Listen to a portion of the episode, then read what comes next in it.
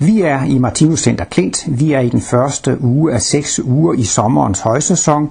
Og jeg har fået lov til at afholde denne uges spørgetime. Og øh, det sker i dag den 2. juli år 2010. Så her kan I høre, hvad der kommer op i løbet af spørgetimen. Værsgo. Ja, så er jeg klar til den øh, ugenlige spørgetime. Og der er også en mikrofon dernede i baggrunden, så mikrofonen kan gå rundt. Hallo. Hallo, kan du høre mig? Ole, jeg vil gerne spørge om, hvordan, hvordan man, når man har, nej, jeg begynder forfra. Et lille barn, når et lille barn dør, har jeg læst, at Martinus skriver, at, at om cirka 3-5 år inkarnerer den igen. Ja. Og så lyder mit spørgsmål på, nu når hans far og mor dør, 60, 60 år efter, så vil de selvfølgelig gerne se deres lille søn i den åndelige verden. Men kan de kende ham, for han er jo da for langt, længst inkarneret igen. Ja tak. Spørgsmål er forstået. ja, det må jeg jo indrømme, at det, det kan være lidt svært at, at svare på. Altså, øhm, først og fremmest så har Martinus skrevet en fantastisk artikel, som er ret lang, og den hedder Gennem dødens port, og på nogle sprog så er den også oversat, eller lavet som en lille bog. På svensk er den lavet som en lille bog. Og der beskriver Martinus, hvordan det er at dø som, som barn, som ung i sin manddom og i sin alderdom. Og øh, der beskriver han jo meget smukt, hvordan det er at, at, at dø som barn. Og der siger han jo først og fremmest, at barnet det har altså en vidunderlig smuk og skøn øh, tilværelse, når de dør. De lever jo øh, her jo i en slags eventyrs verden og fortællingernes verden, og der er så nogle skytsengle, som tager imod barnet, sådan så at det fortsætter med at leve i sådan en slags øh, øh, eventyrverden. Men jeg ved godt, at det er også et problem. Nu siger du det der med børnene, ikke også? Men det er også for eksempel, så siger, man, så siger Martinus senere også, at når vi dør, eventuelt som voksne, så venter vores forældre på os og tager imod os, når vi dør. Og der kan man så også stille det her lidt svære spørgsmål. Jamen hvad nu, hvis den ene eller begge af mine forældre allerede er inkarneret igen? Kan de så også stå og modtage mig på det åndelige plan? Jeg vil jo i hvert fald mene, at det burde kunne lade sig gøre, hvis de sover. Fordi så er de jo på det åndelige plan. Ellers så har jeg jo en anden teori, det er måske nok for frægt at komme med, at der var nogle skytsengle, som kunne vise sig som dem, som man troede, at det var dem, men de kan vel ikke snyde på den måde over i den åndelige verden. I alle fald siger Martinus igennem dødens port, at hvis der er en soldat, der dør, og de, så han, han, øh, det bruger Martinus, det efter 2. 1. verdenskrig, så er der soldater, de kravler op af skyttegraven, og så angriber de, de stormer frem, og så er der måske en, der bliver dræbt, han styrter og falder til jorden, men, men, men, men han fortsætter med at, at, at angribe på det åndelige plan. Han, han fatter slet ikke, at han er død, fordi han, han, er stadigvæk, han er stadigvæk levende. Og så må skytsenglene prøve at tage sig af ham så godt de kan. Og så kan de så vise ham et øh, feltlasseret, et hospital, der er sygeplejersker osv. Og, og så begynder vedkommende at tænke, hvad er det her for noget, og hvad, hvad må der er sket, og må de er såret? Og der forklarer Martinus så, at skytsenglene, de er i stand til i tankematerie, altså at tænke sig sådan et feltlasseret eller Røde Kors hospital osv., så, videre, så på den måde lede dem ind på det. Men jeg kunne godt tænke mig at spørge min gode ven, øh, Dr. Fridel, nede på bagerste række, hvad mener du om spørgsmålet? Kan man møde begge sine forældre, hvis, hvis, eller den ene af dem, hvis, hvis, hvis de er inkarneret allerede igen, når man dør? Ja, det kan Det ved jeg ikke med bestandligt. Nej. Ja, der har vi et sandt ydmygt menneske. Jeg plejer jo altid at sige, at mit navn er Olo Rakkelsen, og jeg svarer på alle spørgsmål. Så, så jeg hader jo at sige, at det ved jeg ikke. Men øh, ellers så kan man også trække i nødbremsen, og så siger Martinus jo nogle gange, når spørgsmålene bliver for, kommer for langt ud, så siger han, hvad har det med moral at gøre? Tit vil man jo gerne have nogle detaljer og vide, hvordan fungerer det, og hvordan er den mekanisme. Men grundlæggende, så er Martinus kosmologi altså en morallærer. Altså Martinus, han ønsker at stimulere folk til at blive mere næstekærlige. Og så er selvfølgelig spørgsmålet om, øh, hvorvidt det er nødvendigt, men jeg kan lige sige, altså for at supplere dig, at der findes nogle båndforedrag, hvor han også lige nævner det der med børnene, ikke? Og jeg mener, at han siger, at hvis et barn, på et af båndforedragene, siger, hvis et barn dør mellem et og, eller mellem et og fire år gammel, så kan det komme igen allerede inden for det samme år. Og så har han også tit snakket om de her soldater, som dør i krigen, måske unge mænd på 18 år. Og der findes et foredrag, som vi har optaget på bånd, der siger han, jamen de kan komme igen efter jeg ved ikke hvad der han siger, 7-8 år, og så findes der et andet bånd, hvor han siger, at de kan komme igen efter 5, 6, 7 år, eller, så, så det er sådan lidt, lidt løse angivelser, og det er selvfølgelig også øh, lidt, lidt individuelt. For. Men altså, jo yngre man dør, jo hurtigere kommer man tilbage, fordi man har ikke behov for så stor hvile på det åndelige plan. Hvis man dør som en gammel olding, så har man jo brug for en længere hvileperiode på det åndelige plan. Men har du selv gjort dig nogle tanker om det?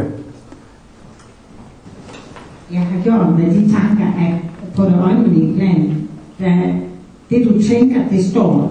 Ja. Og hvis jeg går over på det åndelige plan, og jeg tænker på min søn, så står han der. Men hvordan, og om jeg får noget forhold til ham eller ej, det ved jeg ikke. Men det er jo bare det, jeg vil have bekræftet i, i dag, om, om det er rigtigt. Ja. Ja, jeg har engang hørt, altså det, det er ikke for dem, det var, der var en, der var spurgt Martin som det der, man tænker på det åndelige plan. Og hvis vi to var på det åndelige plan, så kunne jeg jo tænke på nogle mennesker, og du kunne tænke på nogle mennesker, ikke sandt? Kan man så finde ud af, hvem det er, der tænker på hvem? Jamen altså, hvis man selv tænker på nogle mennesker, så kan man sige, jeg tror, jeg vil prøve at lade dem rejse den højre arm. Så vil de jo selvfølgelig rejse den højre arm alle de der, jeg forestiller mig. Men derfor kan det også godt være nogle andre mennesker, som i den samme galleri har tænkt sig nogle, nogle mennesker, der står der. Men øh, altså, om, om du faktisk så altså selv skaber dit barn, det er det du tænker, hvis du i dine egne tanker skaber et kopi af dit barn, at du vil komme til at opleve det som om, at det er dit barn, der står der.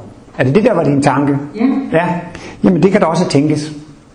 Okay. Det kan jeg tænkes. Troede, jeg troede, man kunne kende dem, ligesom jeg nu kan kende. Nå, jo, altså Martinus han er jo inde på, at øh, skytsengle, de bruger sådan nogle tricks, at de viser sig i en form, som man bedst kender dem.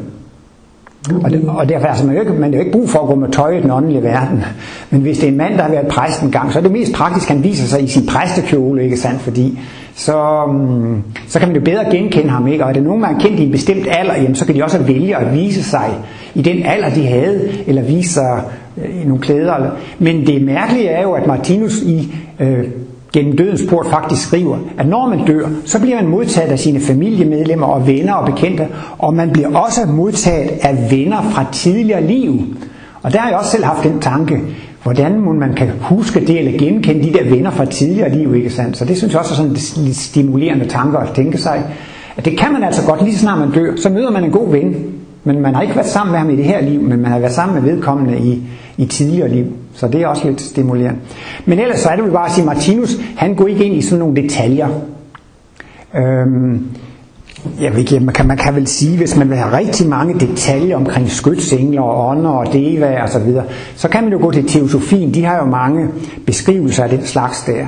Og Martinus siger et sted i, i øh, livets bog, at han har ikke beskrevet mere af den åndelige verden, end det, der kan ses som en logisk konsekvens af det, vi kan opleve på det fysiske plan. Altså Martinus, han kunne uden tvivl have beskrevet de mest fantastiske ting og forhold i den åndelige verden. Men det vil man ikke kunne kontrollere med intelligensen. Altså man kan jo beskrive noget, ikke? Og det indtryk, at man gør meget inden for teosofien og mange medier og spiritualister osv. De beskriver alt det, de har set inde på det åndelige plan, alt det, de har oplevet inde på det åndelige plan. Men hvis Martinus bare refererede til alt, hvad han har kunnet se og opleve på det åndelige plan, hvordan kan folk så tro på, at det er rigtigt, når de ikke selv kan opleve det? Så derfor gælder det ikke for Martinus om at beskrive så mange detaljer fra den åndelige verden som muligt. Og Martinus har jo når det nu, det her med døden er så vigtigt. Hvad har han skrevet om døden i livets bog, i symbolbøgerne? Det er meget lidt, så det er meget interessant, at han skriver egentlig meget lidt om det, vi oplever i de åndelige verdener.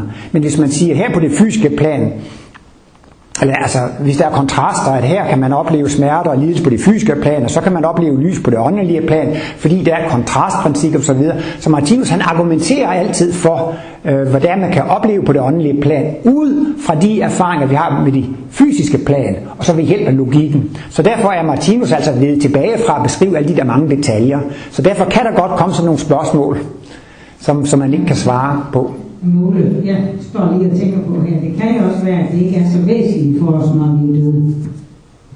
Og finde nogen, vi kender. Det ved man ikke. Ja, og jeg tror bestemt ikke, at man selv behøver at lede efter nogen, når man er død. De står og tager imod en. De er forberedt. De ved lang tid i forvejen, at man er på vej over. Det hører man også tit på sygehus, at der er nogle af de gamle, så siger, Nå, jamen, jeg så min far, han stod ned for ingen, han stod ned for enden af sinden. Så er det, når de besøgende kommer og siger, ja, nu er hun da ved at være senil eller helt skør. Hun siger, at hendes far står nede for enden af sengen og så videre. Men i hvert fald, hvis man får sådan en, en, en langsom død på sygesengen, så er der ingen tvivl om, at, at så er de allerede kommet et godt stykke tid, før man, før man dør. Ja, tak skal du have. Ja, der er et spørgsmål her midt i salen, og nu kommer John med mikrofonen.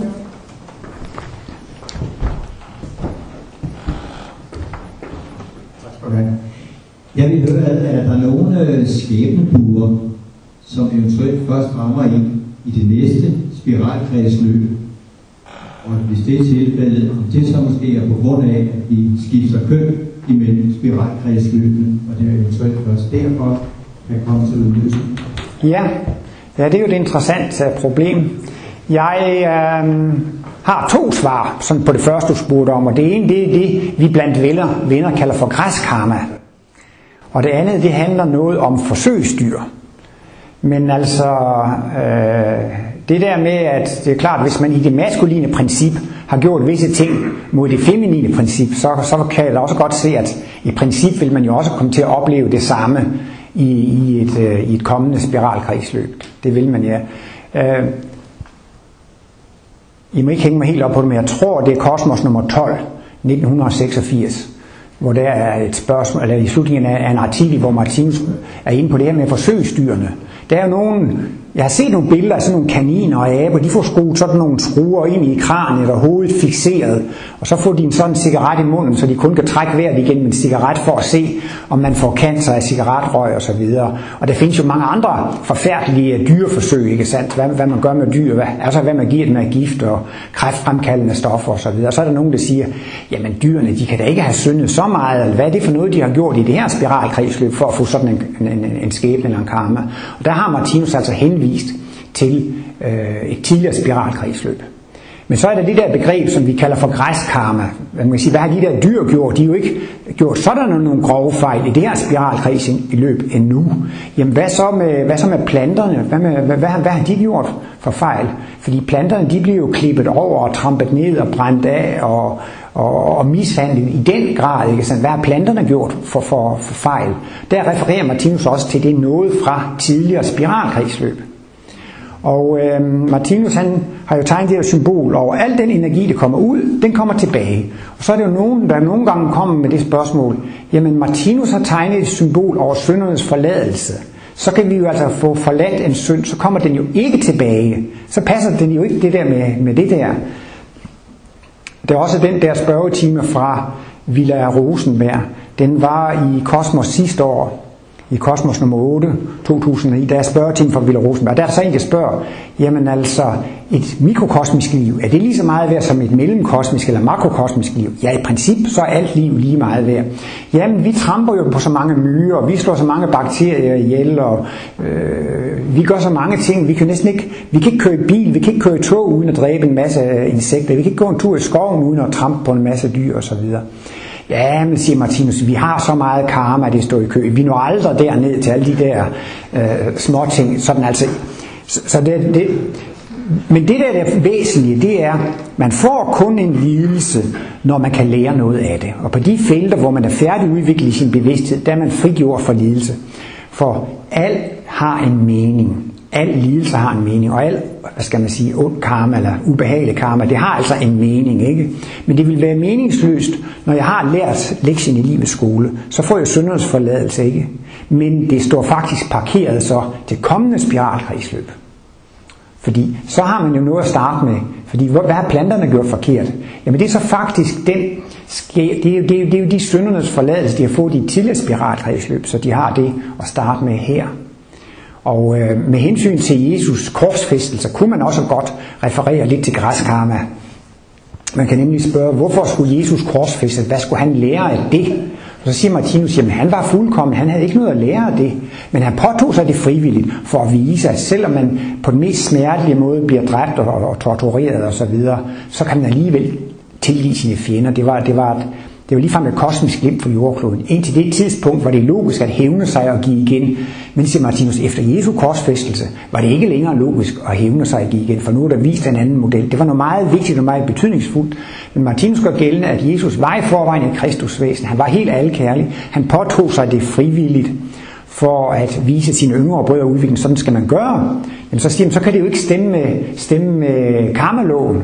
Jamen Jesus har jo også noget gammelt græsk karma. Han har jo også i, i den her spiral og i tidligere spiral fået, tilgiv, fået syndernes forladelse.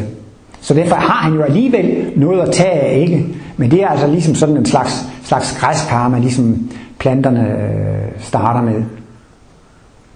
Ja, det var sådan, hvad jeg kunne finde på. Ud fra lad os sige til. Ja. Det er der her midt i salen, eller først for. Ja, det mit spørgsmål. Prøv lige at vente, nu kommer John med mikrofonen. Det er ikke nødvendigt, Nå, fordi jeg vil bare spørge, kan vi ikke få noget luft? der er en, der spørger, om vi ikke kan få noget luft.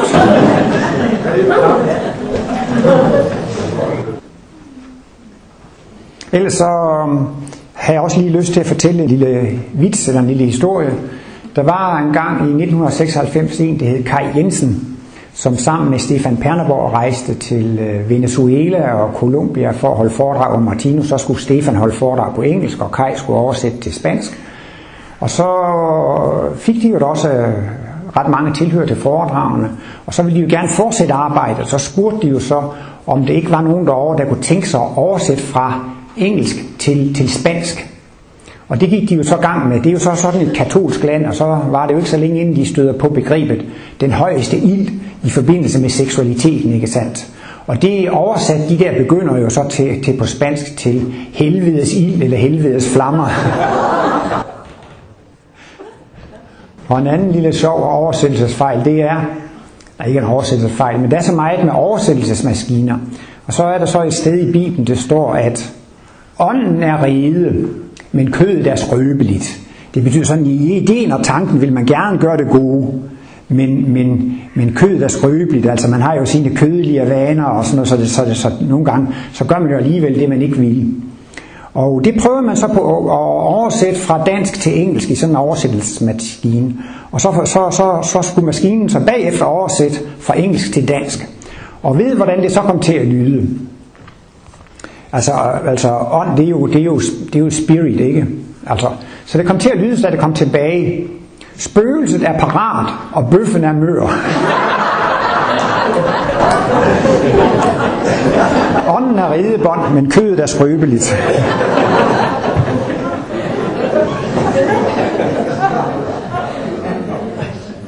Og i Aarhus er der en skiltemaler, der hedder Ivan, og han, han øh, maler skilte her til centret. Men nu må vi jo nok se i øjnene, at øh, vi er så langt fremme i udviklingen af dobbeltpoltiden, at øh, Eichel har bestilt et nyt skilt derovre i Aarhus. Og det skal sættes op nede ved badebroen, fordi nu er der snart så mange dobbeltpole i lejren, så der kommer et skilt op, hvor der står, vandet må ikke betrædes.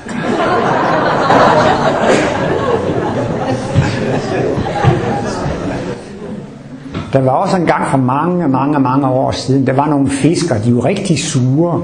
Og til sidst så sagde en af fiskerne, ja, vi blæser på, hvad din far hedder. Du skal ikke gå her på vandet, hvor vi skal fiske. Men man kan jo komme meget langt med genteknologi. Og øh, i København er det på et laboratorium lykkedes at øh, ved hjælp af genmanipulation og udvikle en hund, der kan gå på vandet. Og hun er en jagthund. Og det var der jo sådan en københavner, en rigtig rig forretningsmand. Han tænkte, den skal jeg købe, men den kostede jo 100.000 eller sådan noget, men han købte altså den der hund.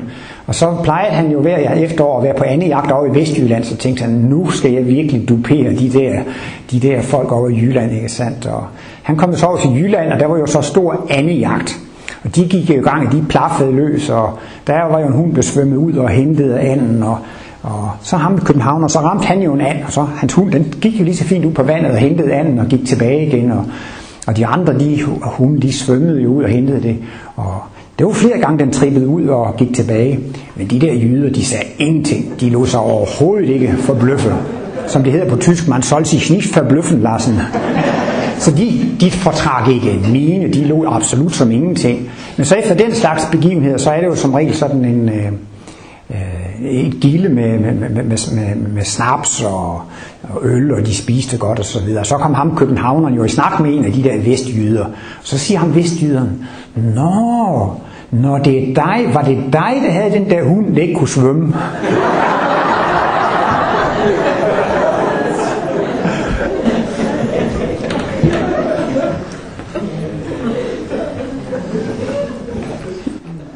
Ja, men så ved der er nogen, der kom på et spørgsmål i mellemtiden. Ja.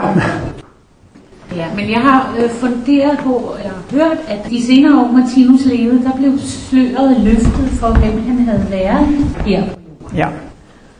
Øh, og det er jo lidt nysgerrig på, er det noget, han har fortalt om? Måske til inderkredsen?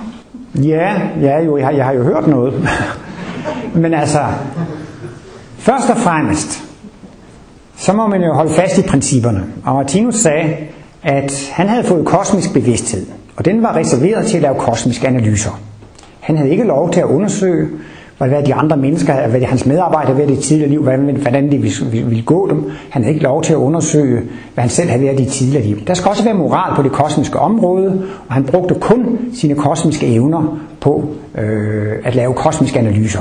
Og det inkluderede altså også, at han øh, så at sige måtte ikke øh, lige i starten der øh, kunne han jo også mærke, at han helst ikke skulle læse bøger. Han følte det ligesom om, der var en hånd på panden, som skubbede ham lidt tilbage, når han ville hen og tage en bog ud af, af, af reolen. Og jeg ved ikke lige, hvordan han følte det, men han var meget sikker på, at han måtte ikke bruge sine evner på at undersøge. Og en anden ting, jeg kan nævne, det er, at han snakker så tit om, at det skal komme en, en tredje og en fjerde verdenskrig. Men han sagde jo altid, men det har jeg ikke undersøgt med min kosmiske bevidsthed. Og altså det vil sige, Martinus gav sig ikke af med profetier og forudsige sådan noget. Så han sagde, jeg har ikke undersøgt det med mine kosmiske evner. Men så siger han alligevel, men jeg tror, den kommer omkring århundredeskiftet. Uh, øh, han blev også tit spurgt om det der med UFO'er. Og så sagde han også, ja, jeg kan mærke, at uh, det hører ikke med til min mission at undersøge det. Jeg kunne godt undersøge det med min kosmiske bevidsthed, men jeg kan mærke, at jeg skal ikke undersøge det. Men jeg kan jo godt se, hvad det kan lade sig gøre, og hvad det ikke kan lade sig gøre. Og øh, så udtalte han sig alligevel om det. Og det var blandt andet, hvor han siger, jamen altså, hvis en UFO kommer til syne, så er det fordi, ikke fordi, han siger, det kan ikke lade sig gøre, at den kommer fra det ydre rum i fysisk form. Så er det noget, der materialiserer sig, så går det under lysets hastighed, og så materialiserer det sig. Og hvis nogle gange er nogen, der forfølger en UFO, eller den forsvinder, så, så er det fordi, den går over lysets hastighed, og det materialiserer sig. Og han har også i en anden sammenhæng brugt et begreb, som han er materialisationer for det rigtige menneskerige. Martinus mener også i, i det gamle testamente, at der var flere der øh, gange, at mennesker, rigtige mennesker materialiserer sig for at hjælpe dem. Og så er der jo så mange tilfælde i det gamle testamente med, med øh, øh engle, der viser sig for, for, for, for jøderne. Men det sker ikke så meget øh, i dag. Men altså, så fortæller Martinus, da han blev rigtig gammel, at sløret mellem den fysiske og den åndelige verden blev til sidst meget tynd. Så nogle gange, selvom han ikke ville det, så fik han nogle visioner eller syn, som kom så at sige af sig selv. Og en af dem, det var jo blandt andet, når han, det fortalte han hvad om på møderne, og ja, siger han, øh, når jeg sådan sidder og kigger på gulvtæppet, så, så ser jeg nogle gange en flot blomst af. Græsset svejer, og blomsterne øh, bølger lidt. Og så spurgte han Misha, men Misha, kan du se blomsterne? Nej, det kunne han godt nok ikke. Ja, yes, og Martinus har også fortalt, at dengang han var nede og se pyramiderne, øhm, der var han så på hotelværelset, som havde sådan udsigt til pyramiderne, ikke? og det var meget tæt ved. Og så fortæller han så, at han spontant fik en vision. Det var ikke noget, han havde villet. Og det hører egentlig også med til det noget, som han ikke må undersøge. For han skal ikke undersøge lokale fysiske ting, og han skal ikke undersøge noget med profetier. Men så så han altså pyramiderne i deres unge pragt.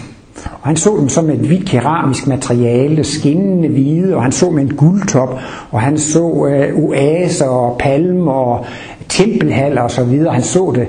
Og så, så, så, så, så han siger bagefter, at... øh, Ja, ja det, var, det, det, var, det, det var rigtigt nok. Det varede, det varede et godt stykke tid, eller, eller et par minutter, eller sådan. Det, det, det var rigtigt nok, men altså så, så lukkede han af for det, men han havde ikke villet det. Og det er også altså et af de eksempler, hvor der kom noget til ham. Og så hedder det jo så, så altså, at på hans helt gamle dage, så fik han en oplysning om, hvad han havde været tidligere, ikke sandt? Og øh, Øh, det skulle så altså, som han siger, jamen han har arbejdet med det åndelige så lang tid, og måske også fordi han blev så gammel, så, så det var altså til sidst kun en ganske tynd hinde imellem den åndelige og den fysiske verden, og så kunne sådan noget godt komme til ham.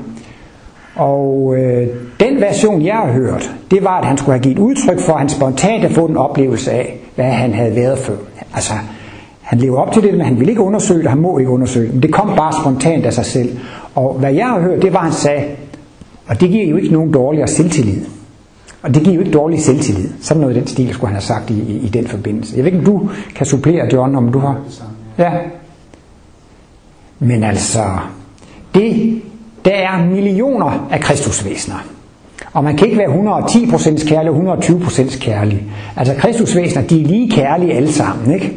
Og, og der findes, nu er der jo 6 milliarder mennesker på kloden øh, om, om nogle tusind år, så, så er vi blevet til 6 milliarder kristusvæsener. Ikke? Øh, og, og, vi er på, og vi kommer på samme højde som Jesus, altså vi bliver alle sammen lige så gode som Jesus.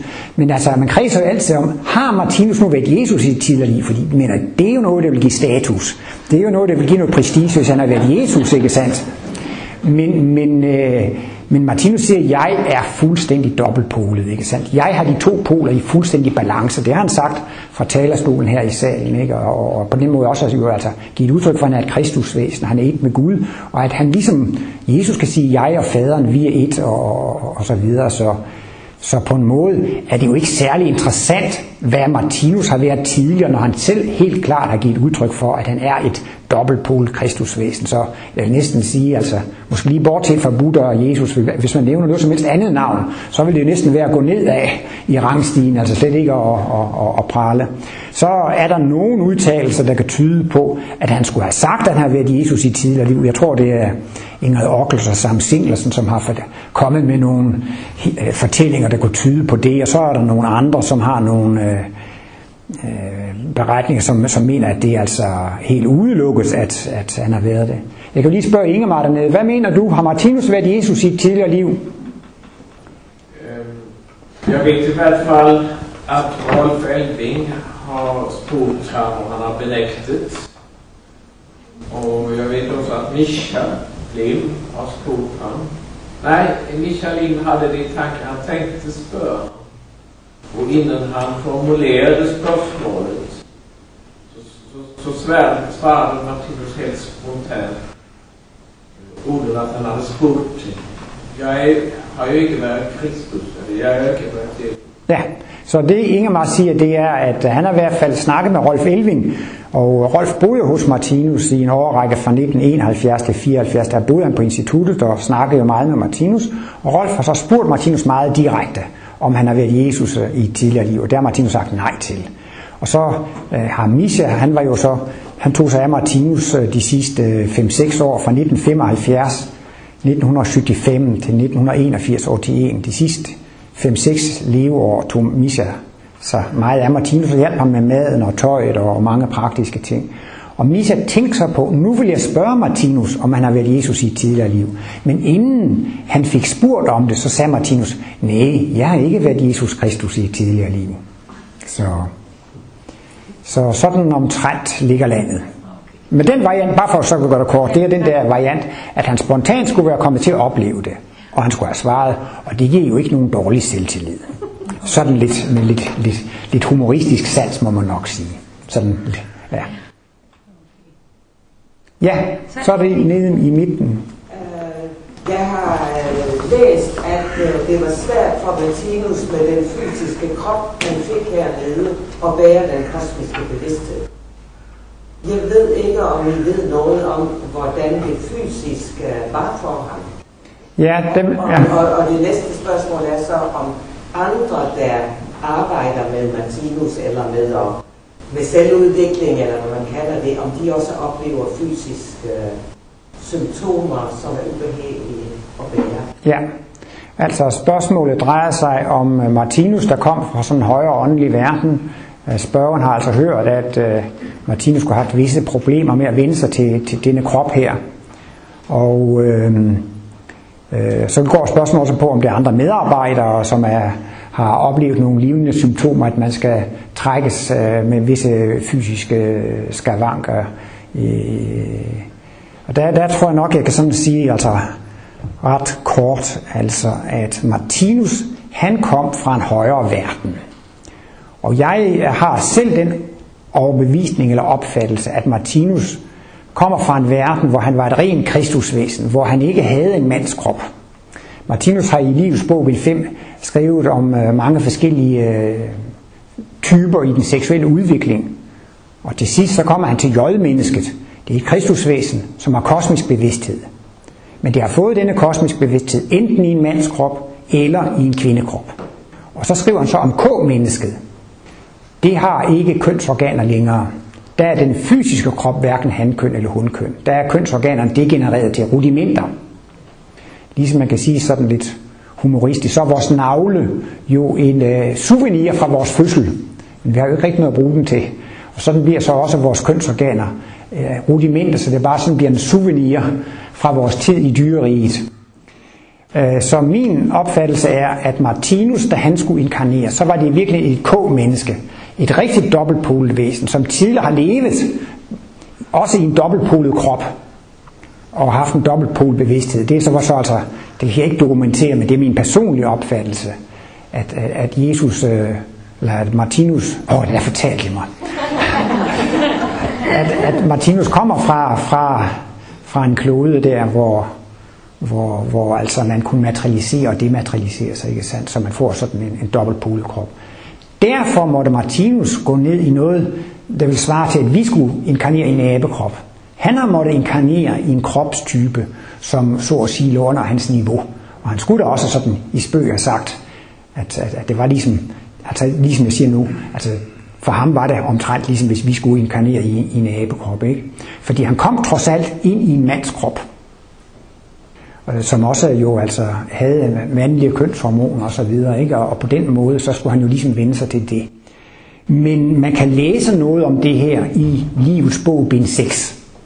Og, og, og øh, man kan læse i stykke 21, 21. I, I synes, det er fantastisk, at jeg husker alle de numre. Men det er jo nemt nok, når det er 21, 21. 21, 21. Altså, men det er altså også stykket før og stykket efter, så fra 2120 til 2122. Der skriver Martinus om, at disse verdensgenløser bliver nødt til, altså Jesus og Martinus, at de bliver nødt til at tage til takke med de ufærdige forældres arveanlæg, deres gener og kromosomer. Og derfor kan de godt få visse øh, sygdomstendenser øh, øh ved at inkarnere sådan en krop. Øh, og øh, der er et af de der tre stykker, som decideret hedder verdensgenløseres sygdomsrisiko. Og de har altså så en vis sygdomsrisiko. Men så siger Martinus, det er jo ikke fordi, de skal lære noget af det. Men det er jo ligesom Jesus, han var da villig til at tage en korsfæstelse. De vil så gerne af kærlighed hjælpe øh, sine yngre brødre i udviklingen. Så at de også gerne tager det på sig at gå ned i sådan en krop. Martinus skulle jo også engang sådan i privat selskab have holdt hænderne ud, sådan her og sagt, jamen altså på en måde, så er jeg jo også blevet korsfæstet, fordi at han har været nødt til at leve i den her krop med men jeg tror da nok i det daglige, så har Martinus da vendet sig til det og følt sig glad og godt tilpas, og han elsker at gå lange ture og cyklede lange ture og var i fin form, og på den måde, så tror jeg da, øh, altså i det daglige liv, så har han nyt at være i sin krop og, og, og følt, det var behageligt at udføre alle, alle naturlige funktioner, som man gør osv. Med hensyn til medarbejderne, så er der noget helt andet, der gør sig gældende der, der mener jeg, at øh, der kommer det overhovedet ikke på tale. Men nogle gange vil man jo gerne bortforklare, at man er syg, og ja, men det er fordi, jeg tilhører stjernefolket, eller det er fordi, jeg kommer fra Sirius, og så har jeg fået noget elallergi, og så har jeg den der sygdom, men det, det er fordi, jeg kommer fra en højere, fra stjernefolk, og jeg er kommet ned for at hjælpe jer, og så har jeg så også måttet tage det på mig. Men, men altså, det mener det er sådan lidt af en bortforklaring af ens egen karma. Altså, der må man sige altså, at... Øh, Ja, Martinus sagde sådan lidt spøgefuldt. Når folk de var ved at skrue sig for højt op, og medarbejderne de troede, de var alt for højt udviklet, så sagde Martinus, ja, men altså, alene det, at vi er født på denne klode, det er i sig selv en betænkelig sag. altså hvis man er inkarneret ind på den her klode, så er det altså en sådan meget kraftig markering af, så er man altså ikke kommet længere i udviklingen, ikke? Og selvom man som måske nok er medarbejder af Martinus, så, så er man altså Øh, Øh, der er ikke noget med, at, at, at, øh, at man er inkarneret i en krop, som ligger under ens udviklingsniveau. Der har man fået den krop, som man selv har skabt igennem, igennem tidligere liv. Så, så, men øh, Carsten Jensen, han kom med en indledning til den film, vi så i videogruppen i dag. Og han var jo inde på, at, at mange af os, og måske alle sammen, har jo et længsel efter at blive kristusvæsen.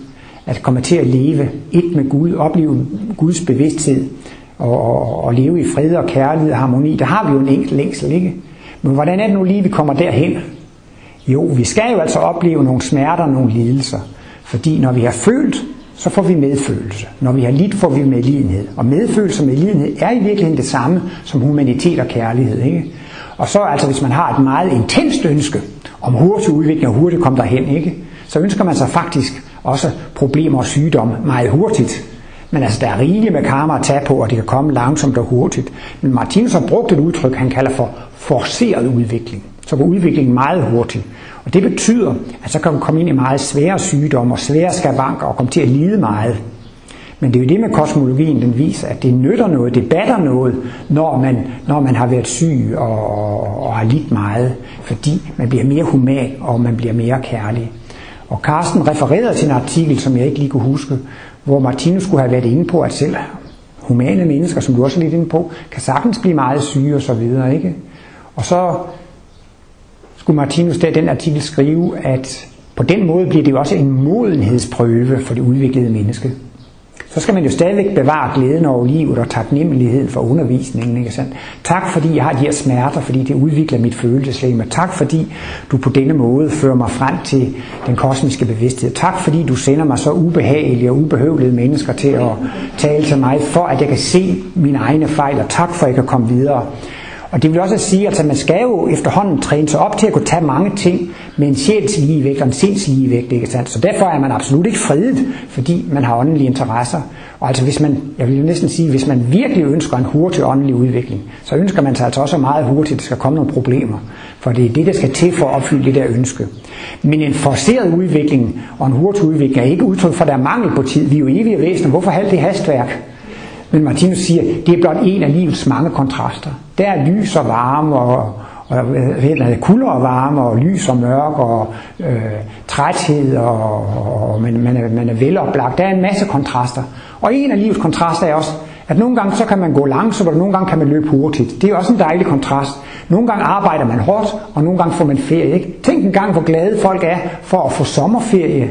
Men det er jo på baggrund af, at vi arbejdede hårdt. Ikke? Så den der periode, hvor jeg arbejder, det er en lidt mere forceret tid, og her er det sådan lidt mere, en lidt mere afslappet øh, tid. Så sådan mener jeg, at landet ligger. Så der er et spørgsmål dernede til venstre. Prøv lige at vente til John kommer. Han er lige ved at være på omgangshøjde med dig. Jamen, det er en opfølgning af det hvad Martinus. Jeg spørger, om det er en viljebestemt handling, at uh, Martinus uh, inde i den krop, han gjorde her på jorden. Fordi efter det, han lærer, så handler det jo meget om de der frekvenser, de skal passe de der forældre, og det miljø, man havner i. Om, om det så er andre regler for, altså, hvorfor det blev besluttet, at han skulle have den krop. Ja. Ja, min opfattelse er, at, at, at, at der er ikke tale om en, en viljes handling i inkarnationsøjeblikket. Men øh, der er tale om, at Martinus har gjort det frivilligt. Altså han har gerne selv ville udføre den mission. På det åndelige plan, så har Martinus sagt, det der, det vil jeg gerne påtage mig. Det er også lidt interessant, at i det allerseneste foredrag her i foredragssalen sagde Martinus også, at jeg er, blevet, jeg er blevet programmeret til det her i tidligere liv. Altså han er blevet øvet og trænet, ikke sandt? Øh, fordi forsynet sender jo ikke Jesus ned på, på jorden. Nå, nu, nu knækkede han ben og faldt ned i en brønd og døde. Nå, så må vi sende en ny Kristus ned, og han drukner ud ved fiskerne. Der. Nå, så må vi sende en ny Kristus ud. Og han blev så fristet af djævlen, og så gik det ikke så godt. Så det er jo klart altså, at, at når forsynet sender en verdensgenløser, så er det selvfølgelig en, der har de moralske kvalifikationer og de evner, der skal til. Så, så det er jo nok det, der ligger bag den udtalelse fra Martinus side, at han var programmeret, at han var forberedt for den der mission, ikke sandt? Og der, der fungerer forsynet usvigeligt sikkert, det mislykkes ikke. Og man taler om Kristi genkomst, og nogen tror, at Kristus skal komme igen og blive korsfæstet. Men så vil Martinus sige, jamen forsynet sløser jo ikke med verdens genløsere. Hvad vil det hjælpe, der kommer en ny Kristus og blev korsfæstet igen og sagde det samme? Det har vi jo allerede set én gang. Det er jo ikke det, der er nødvendigt. Men det er jo så nødvendigt, at Martinus kom og, og, og skabte åndsvidenskaben. Nu er jeg lige ved at køre ind i et andet spor, for jeg, det sidste du spurgte om, synes jeg, jeg havde svar på, da du sagde det, men nu er jeg ved at... Det er det med, at, at, Nå jo, altså det der med, altså at, at øh, jo, nu skal jeg også lige lægge det til, at øh, Martinus han sagde også nogle gange, ja, ja, jøderne, de har de bedste hjerner. Og han skriver også lidt om jøderne i Livets bog, bind 4, og mener faktisk, sammenlignet med andre folkeslag, så var de det mest udviklede folkeslag. Og derfor var de så Guds udvalgte, og de vidste, de, jo bedre, de troede selv, de var bedre end andre. De blev på den måde lidt hårdmodige. Men der skriver Martinus så, alle folkeslag, de vil gå igennem principielt det samme som jøderne. Hver enkelt menneske vil også tro, at man er bedre end de andre, der, og, og så videre. Så, så han, han laver jo mange generelle ting der med jøderne, ikke? Men altså, i hvert fald i gamle dage, så sagde man jo, halvdelen af alle Nobelpristager, det er jøder. De har altså gode hoveder, og det mente Martinus også. Og derfor mener han så også, at Jesus skulle selvfølgelig fødes det sted ind på kloden, hvor han kunne få den bedst mulige krop. Og derfor blev han født blandt jøderne. Og Martinus havde altså også selv den overbevisning, at han var, at han var af jødisk afstamning. Han havde jo også knaldsort hår og, og meget stærke brune øjne osv. Så, videre. så der kan man også måske sige fra Martinus side af, at, at han har fået det bedste genetiske materiale, det skulle være, men det er jo begrænset. Når det er kun arveanlæg fra ufærdige mennesker til et færdigt menneske, så må der blive nogle, nogle små øh, mangler. Og øh, Martinus, han øh, refererer til, at hans mor øh, fik mavekræft, da hun var et par 50 år, hun døde af det. Og Martinus fik det, da han var en lille smule ældre end sin mor. Og der mener Martinus altså også, at han fik det, fordi at han var genetisk programmeret for det. Og det viser sig jo også i dag, at mange af de der uh, kræftsygdomme, de, de, de er arvelige. Det var i hvert fald Martinus' altså, egen. Men altså, når vi får gå tilbage til spørgsmålet, det drejer sig om selve reinkarnationsprocessen. Det er ikke en viljesakt. Det er en sag om tiltrækning og frastødning. Det er ligesom, når en magnetisk nordpol tiltrækker en magnetisk sydpol. Det går fuldstændig automatisk. Og øh, hvis man vil læse noget om det, så kan man læse om det i symbol nummer 34. Øh, det er det første symbol i fjerde symbolbog, hvor man har øh, det her symbol over samlejet. Eller, du kan måske lige vise det, John, hvis, hvis, du, hvis du har det. Der øh, øh, gør Martinus jo gældende, at den åndelige verden, det er en elektrisk-magnetisk verden. Men hvis vi går ned i atomernes, og øh, molekylernes, atomernes og elektronernes verden, så går man jo også ind i en elektromagnetisk verden. Så det vil sige, at både den åndelige verden og det der supermikrokosmos, det er også elektrisk magnetisk. Martinus siger ikke elektromagnetisk, han siger elektrisk, og nogle gange siger han elektrisk magnetisk, ikke sandt? Og der gælder de der love. Og her ser man så et forældrepar, der har et samleje. Den grønne farve her symboliserer, det er den mandlige part, og den gule farve, det er den feminine part. Og heroppe har vi det diskarnerede væsen. Og her har vi de der fem ringe øh, farvet med indigo farve, for at vise, at det er i salighedsrige, det er i hukommelsesrige, men der er en rød ring rundt om der. Og der skriver Martinus i forklaringen, at alle levende væsener, der inkarnerer, de gør det instinktivt, de gør det automatisk ifølge love for tiltrækning og frastødning. Og der har han jo også i det der eksempel, at det er derfor, at katte får kattekillinger og hunde får hundevalpe. Og jeg tror, at han skriver omtrent det samme i den ideelle føde, hvor han så netop skriver, at det er jo det, det altså, jeg kan ikke huske, hvad det er for nogle dyr, han tager, men altså, det er jo det, der gør, at, at heste ikke får hundevalpe, og krokodiller ikke føder flodheste. Altså, det er simpelthen denne lov for tiltrækning og frastødning, der gør, at hunde bliver født, at hundevalpe bliver født hos hunde, og kattekillinger bliver født altså hos katte. Altså, så altså, man bliver lige præcis tiltrukket til det. Og det vil så sige, i Martinus og Jesus tilfælde, så er de så blevet tiltrukket til det bedst tænkelige materiale. Der hvor der var det største match. Men der har altså ikke, om jeg så må sige, været et perfekt match. Jeg kan også bare lige som en lille anekdote sige, en gang så tog Martinus sig til øreflippen og sagde, ja, jeg har jo sådan en stor øreflip, men det er noget, jeg har fået fra mine forældre.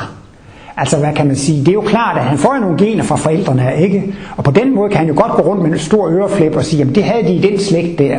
Men det er jo ikke noget, det egentlig siger noget om Martinus' identitet, hans væsen, hans moral, om øreflippen er stor eller, eller, eller lille. Så på den måde, så har han jo, ja, som man siger, fået det bedste match, altså fået de bedst tænkelige gener på, på, på, på, på det område, ikke?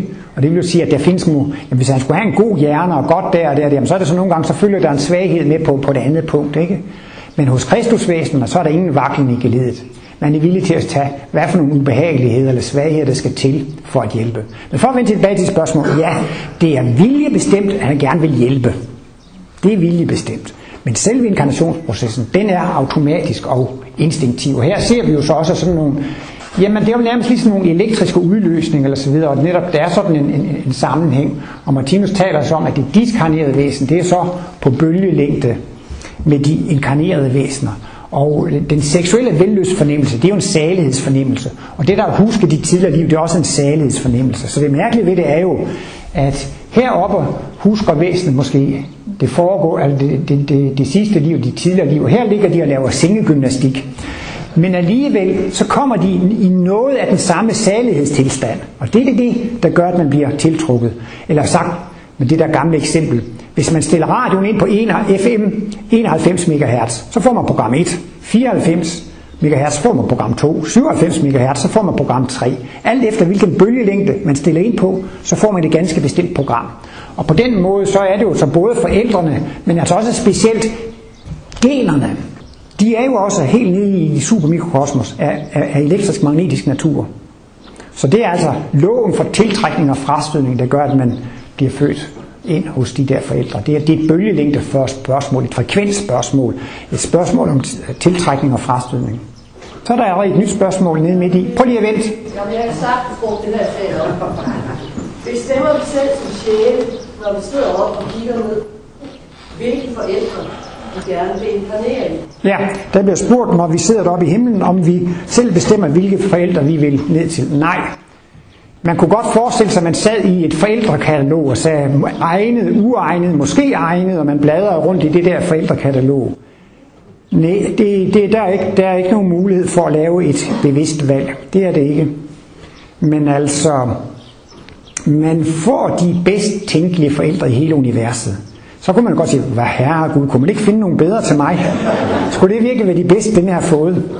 Det hævder Martinus. Hver enkelt har fået absolut de bedste, men måske ikke de mest behagelige, måske ikke de mest begavede, eller hvad ved jeg, men det er det, der har været bedst for min udvikling. Men man kan sige, ja, man vælger selv sine forældre i kraft af sin evige fortid. Du har en evig fortid, og du har lavet tusindvis af handlinger, som du har gjort bevidst. Og du er jo i dag et produkt af din evige fortid. Og når man så er på det diskarnerede plan, så har jeg alle mine talentkerner, summen og essensen af alt, hvad jeg har gjort i tidligere liv. Det er den sum eller den essens, der bestemmer, hvilke forældre jeg får.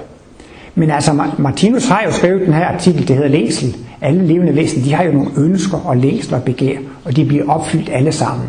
Og du kan jo selvfølgelig godt have bestemte ønsker, længsler og begær, ikke? Hvor vil jeg gerne blive en stor musiker eller så videre, og, og du interesserer dig for musik, og du vil så gerne leve i et musikalsk miljø.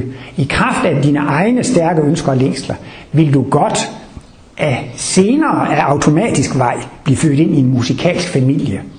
Men det er ikke et valg, du gør lige før du inkarnerer. Det er faktisk et valg, du gør, mens du er her og nu. Man kan næsten også sige, det du vælger at gå meget op i i det her liv, ikke? Det er med til at bestemme, hvilke forældre du får næste gang. Men du sidder ikke og bladrer i, i, i et forældrekatalog. Og Martinus er jo inde på, at, at der er noget, som binder mennesker sammen. Meget, meget stærk forelskelse kan binde mennesker sammen, ikke?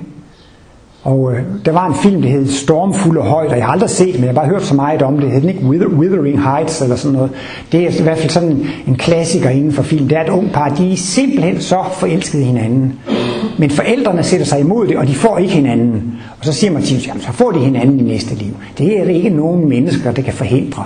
Og han, han refererer jo også til det, Gud har sammenføjet. Det kan mennesker ikke adskille.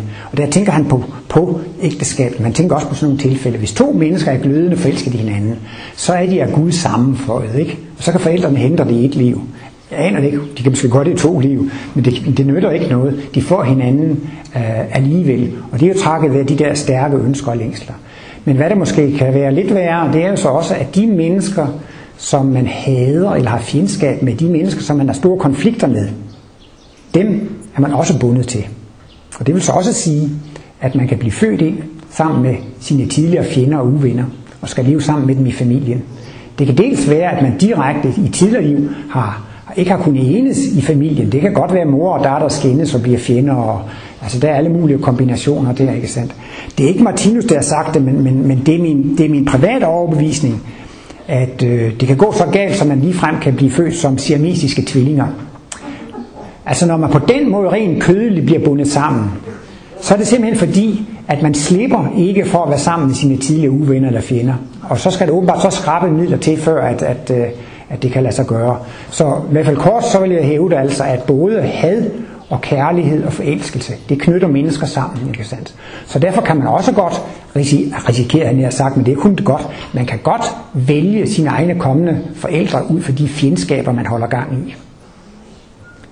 Så ja, altså på, på, på en måde vælger man dem selv med det, man gør. Men det er ikke den der med forældrekataloget. Men det er da en fantastisk tanke, at de der milliarder og milliarder af mennesker, der findes i universet, så har jeg fået de to forældre, som var de aller, aller, aller bedste for mig. Og det har vi alle sammen. Der var, jeg kender så mange bogtitler, men det var en finsk, svensk person, som engang skrev en bog. Det er aldrig for sent at få en lykkelig barndom. Og jeg synes, der er måske nogen, der kender den og har læst den og kender forfatterens navn. Men, men, ja, men jeg synes, det er en meget interessant titel, ikke sandt? Og det er jo netop, hvis man har haft en hård barndom, og man er vred og sur på sine forældre osv., hvis man så møder kosmologien og åndsvidenskaben, så kan man begynde at tænke over det og analysere det, ikke sandt? Og ud fra disse analyser, så kan man selv komme til, tænk, jeg fik alligevel de bedste forældre, de, de bedste egnede forældre, ikke sandt? Og det var det, der har lært mig det og det. Det var jo ubehageligt, men jeg lærte det og det, og jeg lærte det og det, og jeg lærte det og det. Og øh, så kan man takke Gud for, at man har fået de forældre. Og man kan også selv lave en bøn og en tankekoncentration, hvor man takker sine forældre for alt, hvad de har gjort. Man takker for alt det behagelige, man takker for alt det ubehagelige. Så opløser man det selv. Og Martinus siger, at hvis det er mennesker, som har had, så er de bundet til hinanden. Men hvis man kan bede for sin fjende og tilgive sin fjende, så er man fri. Så er man fri. Så, så det er jo det, der skal til for at frigøre sig. Det er jo simpelthen det, at man skal, man, man, man skal tilgive og elske og, og bede for dem. Ja, så er klokken over 8. Tak for i aften.